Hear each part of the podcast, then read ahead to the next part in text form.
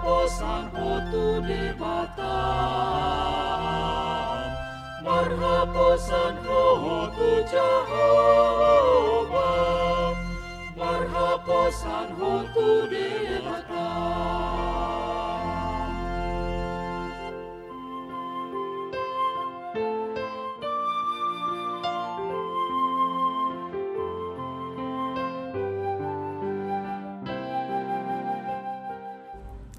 Renungan Harian HKBP Romangun, ikutlah aku, Minggu Okuli 20 Maret 2022 dengan judul Bertobat supaya tidak binasa. Kebenaran firman Tuhan yang menjadi ayat renungan kita hari ini tertulis dalam Injil Lukas pasal ke-13 ayat 1 sampai 9 yang berbunyi pada waktu itu datanglah kepada Yesus beberapa orang membawa kabar tentang orang-orang Galilea yang darahnya dicampurkan Pilatus dengan darah korban yang mereka persembahkan. Yesus menjawab mereka, Sang kamu orang-orang Galilea ini lebih besar dosanya daripada semua orang Galilea yang lain, karena mereka mengalami nasib itu? Tidak, kataku kepadamu, tetapi jikalau kamu tidak bertobat, kamu semua akan binasa atas cara demikian atau sangkamu ke-18 orang yang mati ditimpa menara dekat Siloam lebih besar kesalahannya daripada kesalahan semua orang lain yang diam di Yerusalem?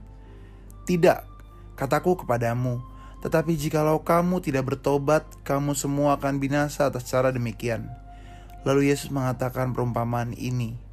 Seorang mempunyai pohon ara yang tumbuh di kebun anggurnya, dan ia datang untuk mencari buah pada pohon itu, tetapi ia tidak menemukannya. Lalu ia berkata kepada pengurus kebun anggur itu, "Sudah tiga tahun aku datang mencari buah pada pohon ara ini, dan aku tidak menemukannya. Tebanglah pohon ini. Untuk apa ia hidup di tanah ini dengan percuma?" Jawab orang itu, "Tuan, biarkanlah dia tumbuh tahun ini lagi. Aku akan mencangkul tanah di sekelilingnya dan memberi pupuk kepadanya. Mungkin tahun depan ia berbuah. Jika tidak, tebanglah dia." Demikian firman Tuhan.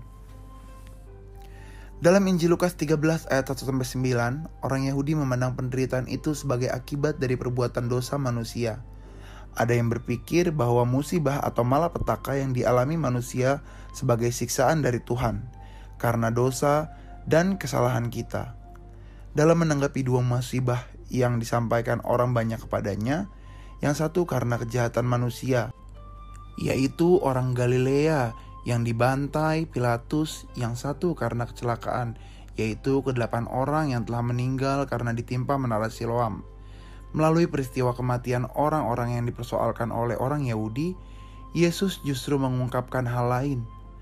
Kita seperti orang-orang yang datang itu, yang barangkali merasa diri tidak lebih berdosa dari orang yang tertimpa musibah.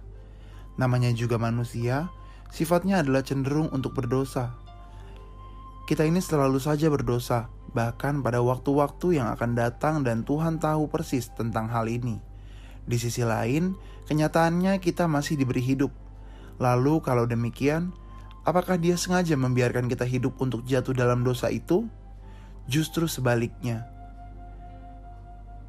Kenyataan bahwa kita masih hidup saat ini merupakan satu kesempatan untuk bertobat. Tuhan memberi kita kesempatan untuk bertobat Betapa besar anugerah ini. Allah masih memberi kesempatan pengampunan. Mari kita diajak untuk mengambil tawaran Allah ini sehingga kita akhirnya dapat berbuah dan selalu menghasilkan buah. Marilah kita berdoa. Terima kasih untuk kemurahan Tuhan dalam hidup kami sampai hari ini. Amin.